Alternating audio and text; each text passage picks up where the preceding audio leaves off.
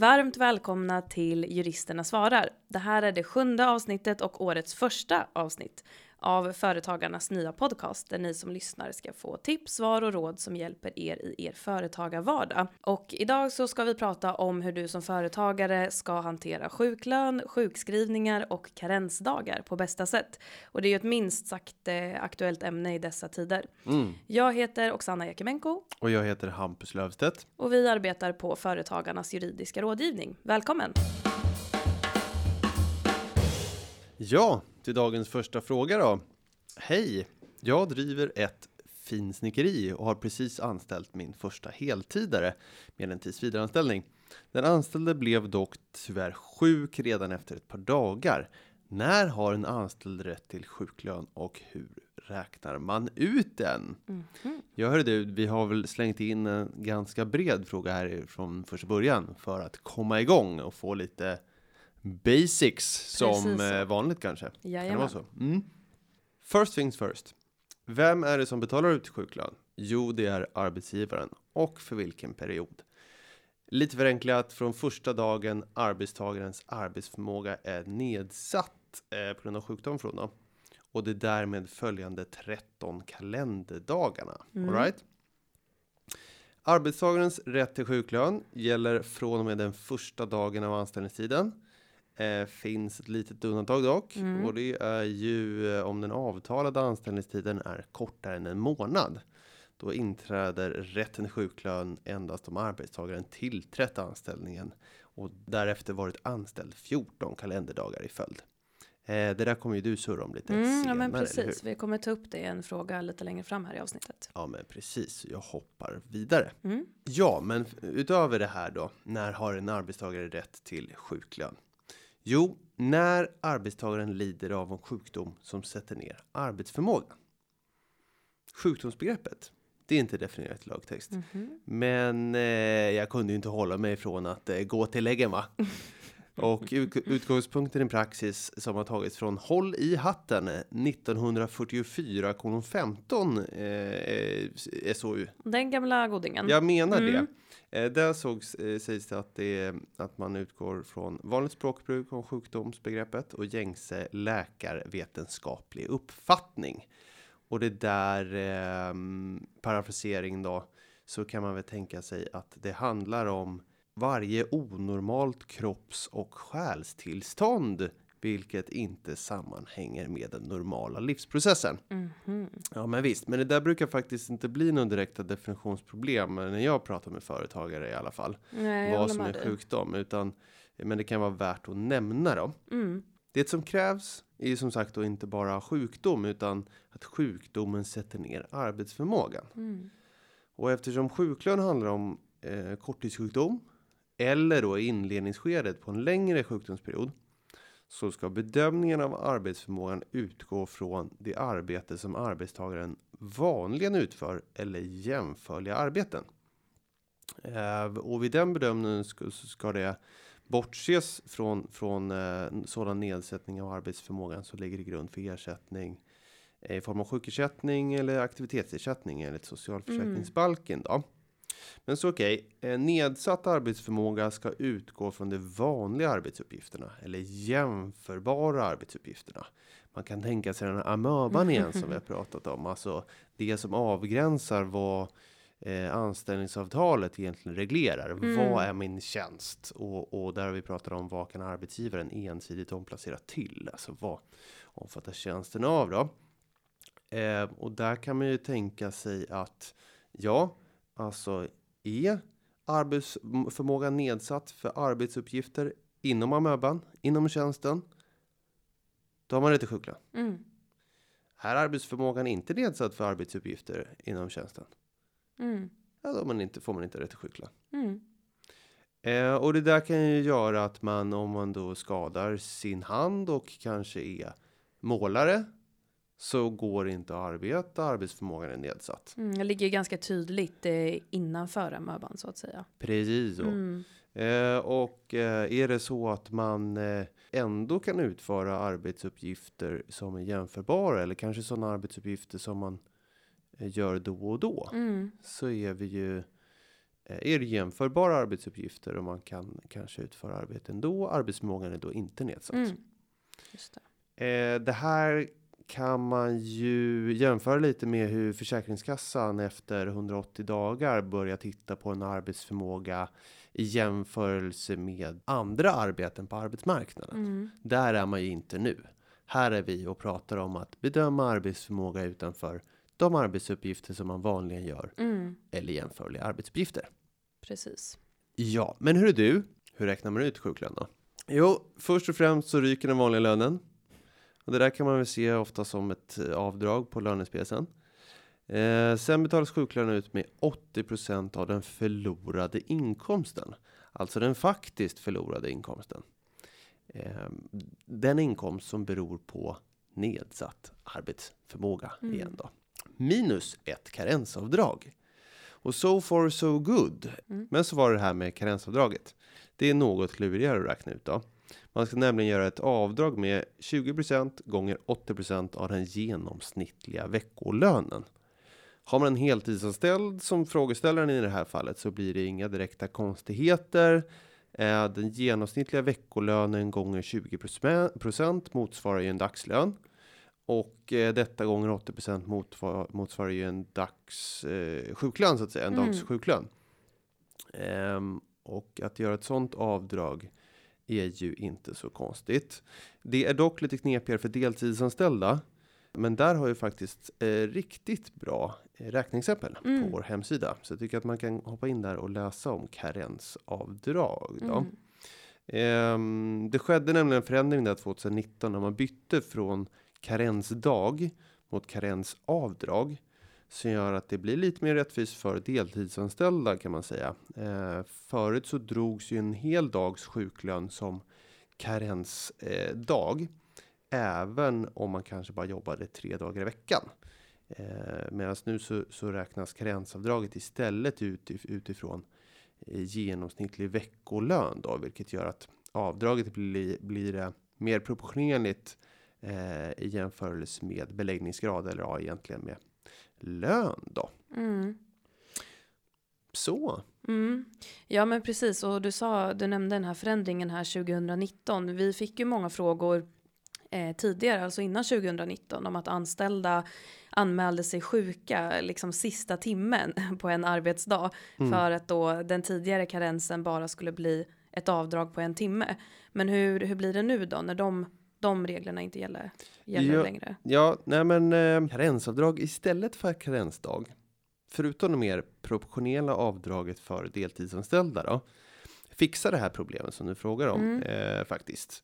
För om en anställd går hem i slutet av en arbetsdag och får karensavdrag för den delen av arbetsdagen i första dagen i sjuklöneperioden så att säga. Mm, alltså den här sista timmen som man då går hem. Ja, men precis så får arbetstagaren ytterligare avdrag den andra dagen. Mm, Detta till skillnad från förut då med karensdag. Där en sista timmes frånvaro på grund av sjukdom och ja, en nedsatt arbetsförmåga kunde räknas som en hel karensdag. Då. mm. Eh, Men att avdraget på lönen bara var en, en timme så Mm. att säga. När man ser tillbaks på det så här nu så förstår man ju liksom att man som anställd, alltså att man, eh, man, man drog lite nytta av det där alltså. Ja, att man jag- går hem liksom sista timmen på, på arbetsdagen och så är karensdagen då, då är, då är den fixad liksom. Jag talar för dig själv du. Men, eh, men, men karensavdraget kan man säga fortsätter. Mm, Så att säga tills det är uppnått. mm, Vi kommer ihåg det här 20% gånger 80% av genomsnittlig veckolön. Det säger ju inte att det är en dag som ska dras av en dags sjuklön utan det är 20% av 80% av Mm. genomsnittlig veckolön. Eh, Och karensavdraget dras från sjuklön som utbetalas. Det här gör att en anställd som går från arbetet och får löneavdrag för några timmar men sen kommer tillbaka dagen efter eh, inte kommer få någon sjuklön. För karensavdraget är ju då större än 80% av den där sista timmen. Eh, om den anställde återinsjuknar inom fem dagar och, så, och, sjuklöneperioden fortsätter kommer eh, timmarna då för den här karensavdraget att tas med i karensavdrag på den sjuklön som kommer betalas ut sen. Mm. Eh, Men du kommer ju förklara lite mer tror jag kring Mm, det med ja, sjuklöneperioder och sådär.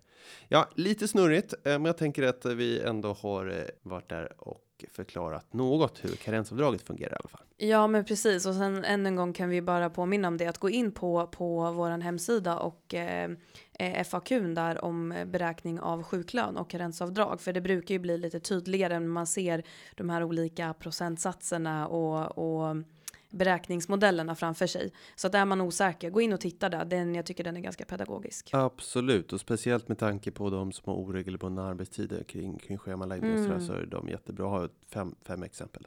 Precis. Bra. Nästa fråga. Hej podden! Efter att ha varit anställd i många, många år förverkligade jag min dröm i våras och startade ett eget företag. Nu har jag en enskild firma och jobbar med styling och inredning. När jag var anställd så sjukanmälde jag mig till min arbetsgivare och fick då sjuklön. Hur gör jag nu när jag har en enskild firma? Ska jag sjukanmäla mig till mig själv och betala ut sjuklön till mig själv? Ja, men roligt och spännande att den här personen har tagit steget här nu och startat eget efter Mm. många, många år som anställd som, eh, som personen här själv skriver. Verkligen. Och det är ju också en bra fråga det här, för det är ju ganska stor skillnad på att vara anställd och att ha en enskild firma på olika sätt, men inte minst då när det kommer till ersättning för sjukdom. Och eh, om man äger och jobbar i sitt egna aktiebolag, då betraktas man som anställd i bolaget och då gör man precis som lyssnaren skriver då. Man sjukanmäler sig till sin arbetsgivare, ja, alltså till sig själv, och så betalar då aktiebolaget ut eh, sjuklön enligt de reglerna och beräkningsmetoderna som du precis pratade om Hampus. Men eh, om man däremot har en enskild firma, handelsbolag eller kommanditbolag Mm. så betraktas man inte på, som anställd på samma sätt när man, som då när man arbetar i sitt egen aktiebolag. Och det innebär ju då att eh, man inte har en arbetsgivare, vilket i sin tur då innebär att man inte har rätt till sjuklön enligt sjuklönelagen. För sjuklön enligt sjuklönelag, ja det förutsätter att, man, att det just finns ett arbetsgivar och arbetstagarförhållande. Just det. Så driver man enskild firma och blir sjuk och eh, behöver ersättning för den tiden som man är sjuk, då ska man istället sjukanmäla sig till Försäkringskassan och då ansöka om sjukpenning. Och eh, för att kunna få sjukpenning så krävs det att man inte kan arbeta sin vanliga arbetstid på grund av sjukdom och att man är borta minst en fjärdedel av sin vanliga arbetstid. Det behöver också vara som så att man eh, går miste om arbetsinkomst som eh, då är sjukpenninggrundande och att man är försäkrad i Sverige. Mm. Så uppfyller man de här kraven, då kan man få sjukpenning från Försäkringskassan. Men eh, här behöver vi också gå in och prata om hur, hur mycket man kan få i sjukpenning. Och det här beloppet då, eh, sjukpenningsbeloppet, det påverkas av företagarens sjukpenninggrundande inkomst, den så kallade SGIn. Och eh, SGI, det är ett belopp som räknas fram av eh, Försäkringskassan och som helt enkelt då ligger till grund för hur mycket ersättning man kan få om man till exempel blir sjuk eh, och ansöker då om sjukpenning, men också om man ska vara föräldraledig och ansöker om föräldrapenning eller om man vabbar och ansöker om tillfällig föräldrapenning. Så att det är helt enkelt de här statliga ersättningarna då som baseras på SGI. Och eh, lyssnaren här, eh, den skrev ju att den har en enskild firma. Mm. Och för den som har en enskild firma då så beräknas ju den här SGIn utifrån den tidigare och den förväntade inkomsten i näringsverksamheten. Och som regel då så tittar Försäkringskassan på de tre senaste taxeringsåren för att bedöma den här framtida inkomsten och då fastställa en SGI. Så att här kan man som företagare behöva lämna in en del uppgifter, ja men om arbetsomfattning, arbetsuppgifter, ja och lite annat. Eh, Men och är det så att ens inkomster i företaget eh, stadigt och stabilt har ökat varje år, ja då kan Försäkringskassan också ta hänsyn till den här ökningen Mm. när de då gör den här uppskattningen av den framtida inkomsten. Men är det så att inkomsterna i företaget har varierat mycket eller är då lägre än jämförelseinkomsten, då kan Försäkringskassan istället beräkna SGIn så att den motsvarar ett genomsnitt av de tidigare inkomsterna. Mhm. Så att det kan vara lite klurigt det där, men, men som sagt, det är ganska tydligt när man väl går in på Försäkringskassans hemsida Mm. vilka uppgifter det är man behöver skicka in.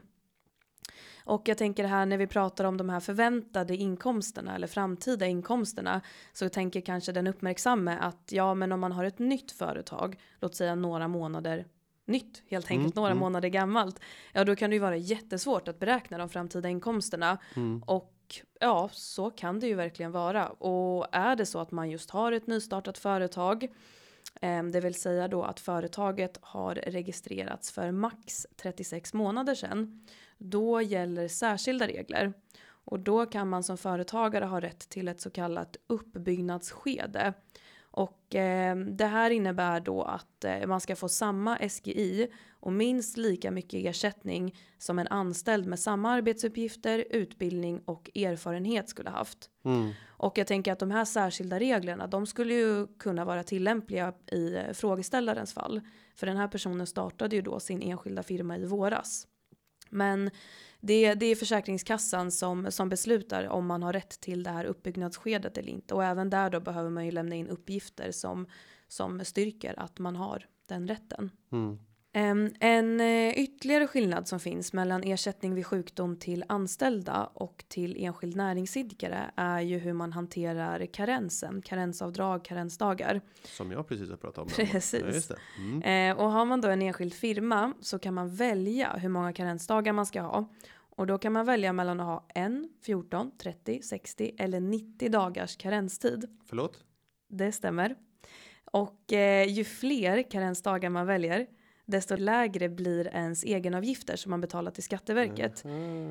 Men alltså man ska ju komma ihåg att de här karensdagarna, det, man får ju ingen ersättning under dem. Nej, nej. Så att alltså man får ingen sjukpenning. Så att nej. eh, det, ja, det, det är klart att det påverkar Mm. eh, hur många dagar man har valt.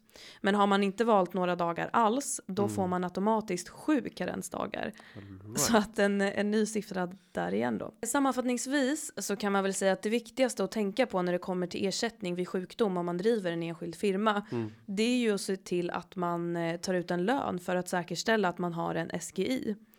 Och det här kan man ju tycka kanske är ett lite halvdant tips eh, på det sättet att ja, det är ju vanligt att företagare eh, tar ut en väldigt låg lön eller i vissa fall ingen lön alls. Mm. Och i många fall så är det ju fullt förståeligt. De, de ekonomiska förutsättningarna finns helt enkelt inte där ännu. Nej. Men eh, det kan vara bra att vara medveten om risken att eh, tar man ut en väldigt låg lön eller ingen lön alls så finns som sagt eh, risken att man får en väldigt låg sjukpenning eller i vissa fall faktiskt ingen sjukpenning alls. Så ja, men det, det är mycket ansvar som ligger på, på den enskilda näringsidkaren i de här fallen måste man ju säga. Men då är det bra att du berättar hur det ligger till. Eller hur? Det tycker jag Verkligen. också. Mm, Bra. Ska vi köra på nästa? det gör vi. Hej, juristerna svarar podden. Du, härligt att det har satt sig va? Perfekt. Snyggt.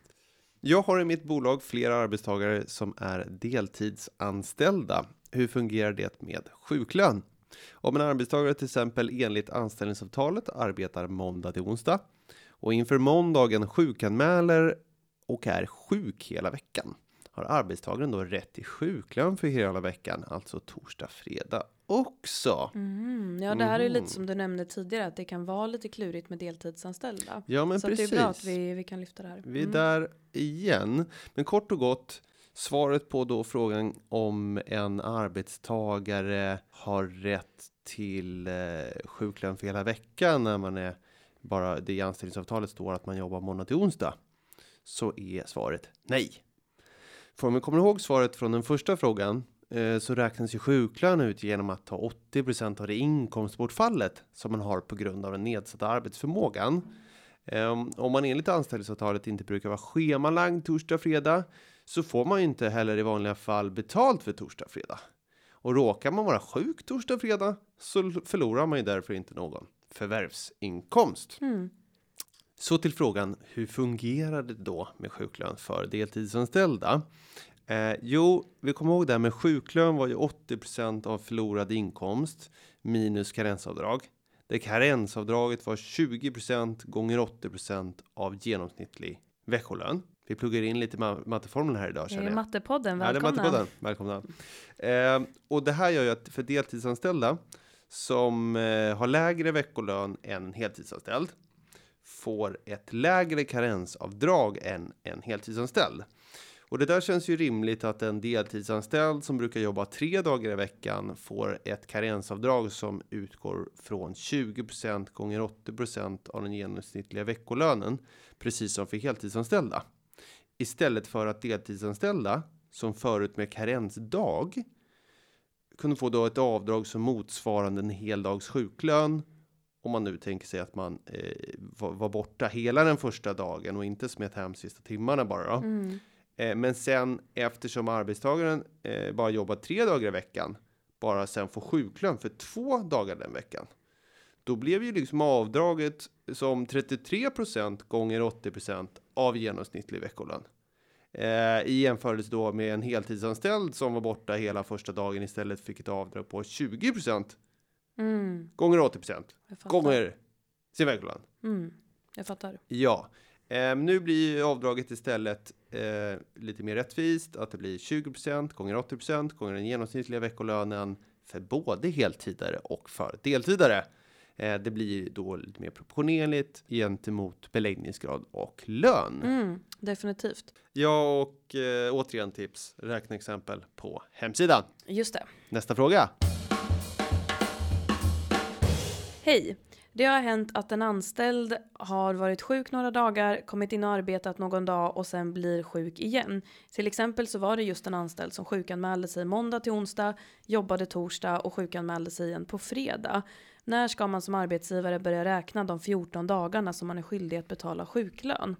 Mm -hmm. Ja, okej. Okay. Jo, men sådana här typer av eh, spridda sjukdomsfall, om vi nu ska kalla det för det, mm. eh, regleras faktiskt uttryckligen i sjuklönelagens eh, sjunde paragraf. Och eh, där hittar man den så kallade återinsjuknande regeln. Och enligt återinsjuknande regeln så ska en ny sjukperiod som börjar inom fem kalenderdagar från det att den tidigare sjukperioden avslutats betraktas som en fortsättning på just den tidigare sjukperioden. Så när en arbetsgivare ska börja räkna de här 14 sjuklönedagarna i sån här situation, mm. det beror då på hur många dagar det har gått mellan att den anställde blivit frisk och sen blivit sjuk igen. Så att går det mindre än fem kalenderdagar, då räknas de här ja, så kallade spridda sjuk, eh, sjukdomstillfällena som en sjukperiod. Och går det mer än fem kalenderdagar, då räknas de här spridda sjuktillfällena som två olika sjukperioder. Aha. Så att eh, om vi ska applicera det här på lyssnarens fall så ska arbetsgivaren då göra karensavdrag för måndagen mm. och eh, alltså den första sjukdagen och betala sjuklön tisdag, onsdag. Då är det tre dagar som den anställda varit sjuk. Yes. Sen betalar man vanlig lön på torsdagen, mm. för då är den anställda tillbaka på arbetet. Och när den anställde blir sjuk igen på fredagen, då räknas den dagen som dag fyra då i sjukperioden. Och eftersom att de här spridda sjukdagarna då i det här fallet tillhör en och samma sjukperiod, då ska arbetsgivaren alltså inte göra ett nytt karensavdrag på fredagen när den Nej. anställde blir sjuk igen. Utan det, karensavdraget som arbetsgivaren gjorde här den första sjukdagen, ja det gäller ju då för hela den här sjukperioden. Yes. Så kan man väl säga. Ja. Bra. Då tar vi nästa fråga. Hej! Jag är en arbetstagare som har en tendens att slå sig på fritiden. Varje lördag är det hanggliding, vilket var och varannan gång resulterar i stukningar och benbrott. På sommaren är det downhill mountainbike i Alperna och nu senaste sportlovet var det forsränning i Peru som naturligtvis resulterade i en längre sjukhusvistelse. Jag kan tycka att det är lite för självförvållat för att ge rätt till sjuklön. Hur är det med det? Mm. Det här var ju en mm. liten eh, specialare. En liten specialare. Ja. Eh, som vi gick igenom på första frågan så har man ju rätt till sjuklön om man lider av en sjukdom som nedsätter arbetsförmågan. Sjuklönelagen tar inte hänsyn till varför arbetstagaren blivit sjuk faktiskt. Det vill säga lägger liksom ingen värdering i om sjukdomen beror på extravaganta fritidssysselsättningar som hanggliding eller eh, forsränning. Eller om det beror på att det är en eh, taskig arbetsmiljö på, på arbetsplatsen. Eh, rätten till sjuklön finns alltså som den absoluta huvudregeln oavsett anledning till sjukdomen och dess nedsatta arbetsförmåga. All right? Det finns dock undantag som vanligt och det är om arbetstagaren ådragit sig sjukdomen vid uppsåtligt brott som hen har dömts för genom dom som har vunnit laga kraft. Mhm. Ehm, det är inte direkt fallet här. Så vitt jag vet så är det inte ett brott varken att åka hanggliding eller forsräddning då. Däremot om man ägnar sig åt en, ett smash and grab-rån och skadar sig på kuppen så kan arbetsgivaren när domen vunnit laga kraft kräva tillbaka utbetald sjuklön. Det står ju i lagstiftningen att man inte har rätt till sjuklön då, men med tanke på att laga kraft, det inträder ju inte för så att domen har fallit och det här kan ju ta, ta flera månader eh, innan eh, ja, eh, åklagaren har gått vidare med det här och det har kommit upp till domstol och så vidare. Eh, så att, så att det kom i praktiken så handlar det ju om en att man får ställa krav om åter återkrav helt enkelt. Mm. Det finns också ett undantag för när arbetstagaren medvetet eller grovt vårdslöst lämnat oriktiga eller vilseledande uppgifter angående något förhållande som är av betydelse för rätten till sjuklön. Då. Men som absoluta huvudregel helt enkelt, återigen, sjuk, rätten till sjuklön tar inte hänsyn till varför man har blivit sjuk kan man säga. Mm. Så att eh, i det här fallet så, så skulle vi, eh, så, så tänker vi oss helt enkelt att den anställde har då rätt till sjuklön efter, efter det här sportlovet i Peru som resulterade i en längre sjukhusvistelse. Ja, alltså vi ska ju komma ihåg att rätten till sjuklön kräver nedsatt arbetsförmåga. Just det. Och det vet vi inte riktigt här i frågan, alltså vad, vad arbetstagaren gör. Så en stukad fot kan ju innebära att en arbetstagares arbetsförmåga är nedsatt i ett visst typ av arbete, men inte innebära nedsatt arbetsförmåga i ett annat typ av arbete. Vi ska ju i bedömningen av nedsatt arbetsförmåga utgå från vardagligt och jämförbart arbete, eller hur? Mm. Då eh, börjar ju nästan närma oss eh, den sista frågan för det här avsnittet. Ja, men precis. Och eh, den sista frågan lyder så här. Hej, jag driver en reklambyrå och har anställt en copywriter på en allmän visstidsanställning under tre veckor. Hon hann dock bara jobba en dag och sjukanmälde sig alltså redan dag två. Hon har ju knappt hunnit påbörja sin anställning så är jag verkligen skyldig att betala sjuklön? Den uppmärksamma lyssnaren den skulle kunna svara på den här frågan utifrån svaret på första frågan. Eller hur? Jag tänker Ja. faktiskt också det. Men, men jag tänker att eh, vi drar igenom eh, svaret lite kort och koncist här oavsett. jag absolut. Mm. Eh, nej men precis som du sa Hampus så har ju en anställd eh, rätt till sjuklön från dag ett i anställningen. Mm. Men om den avtalade anställningstiden är kortare än en månad så inträder rätten till sjuklön först när arbetstagaren har tillträtt anställningen och därefter varit anställd i 14 dagar i följd. Just det. Och eh, med tillträtt anställningen så, så menar man normalt sett att arbetstagaren alltså har infunnit sig på arbetsplatsen. Men enligt förarbeten till sjuklönelagen så har man sagt att en anställd kan också anses ha tillträtt anställningen om han eller hon påbörjade resan till arbetsplatsen. Men under resans gång råkat ut för sjukdom eller en skada som då har hindrat den här anställde från att infinna sig på arbetsplatsen. Just. Eh, men eh, vad gäller då i frågeställarens fall? Jo, men den anställde har ju tillträtt anställningen eftersom att hon har infunnit sig på arbetsplatsen under en dag. Men innan hon blev sjuk så hann hon ju inte vara anställd i 14 dagar i följd. Och hennes anställning är ju kortare än en månad. Den var ju tre veckor i det här fallet. Ja, precis. Så att eh, det här innebär ju då tyvärr att den anställde inte har eh, rätt till sjuklön i det här fallet. Mm. Men jag, det kan också vara bra att lägga till att när man räknar de här 14 dagarna som eh, arbetstagaren måste ha varit anställd för att få sjuklön Mm. så ska även tidigare anställningar hos arbetsgivaren räknas in om tiden mellan de här två anställningarna inte överstiger 14 dagar. Mhm. Så att eh, har den här personen återkommande korttids eller allmänna visstidsanställningar och det inte har gått mer än 14 dagar sen sist hon hade en anställning hos arbetsgivaren, då Mm. skulle man kunna tänka sig att hon har rätt till sjuklön. Men så som frågeställaren formulerar frågan så, ja, hon har tillträtt anställningen men inte hunnit vara anställd och anställning kortare än en månad, så tyvärr ingen rätt till sjuklön. Eh, men, men man kan ju också nämna det att situationen hade ju också varit annorlunda om eh, den här copywritern hade anställts i en tillsvidareanställning. För då skulle hon ju haft rätt då till sjuklön redan, redan första anställningsdagen, alltså redan dag ett. Eh, utan att då varken ha behövt tillträda anställningen eller varit anställd i 14 kalenderdagar i följd. Ja, men jag fattar. Men grymt. Ja, Mm. men eh, då tror jag faktiskt att vi har eh, raceat igenom det här med sjuklön Mm. idag. Eh, för en lite Precis. olika frågeställningar från, olika företagare. Och som vanligt, som medlem i Företagarna, kan du utan kostnad ringa till oss och våra kollegor i den juridiska rådgivningen och få personlig hjälp. Du når oss på telefon 0771 45 45 45. Har du en fråga till podden, då tycker jag att du mejlar till podcast.foretagarna.se. Klippningen är gjord av Petra Tjo och underlaget av David Hagen. Jag och Oksana, vi säger att vi hörs om två veckor.